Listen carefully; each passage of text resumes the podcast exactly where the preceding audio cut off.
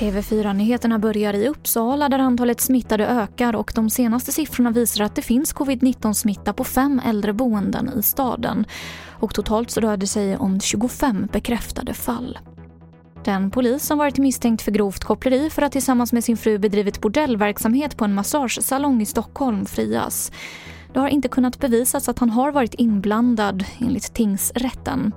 Hans fru döms till tre år och sex månaders fängelse för bland annat grovt koppleri och grovt bokföringsbrott.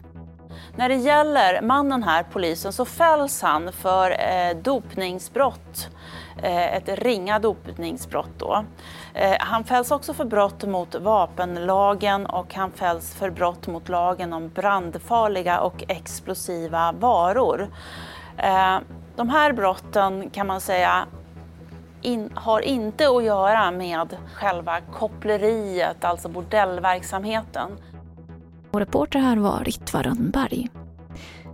Och jag avslutar med att SJ ska sätta in fler avgångar under helger från och med början av november. Helgtrafiken ökas upp med drygt 5 000 platser och sträckorna det gäller är Stockholm-Malmö och Stockholm-Göteborg.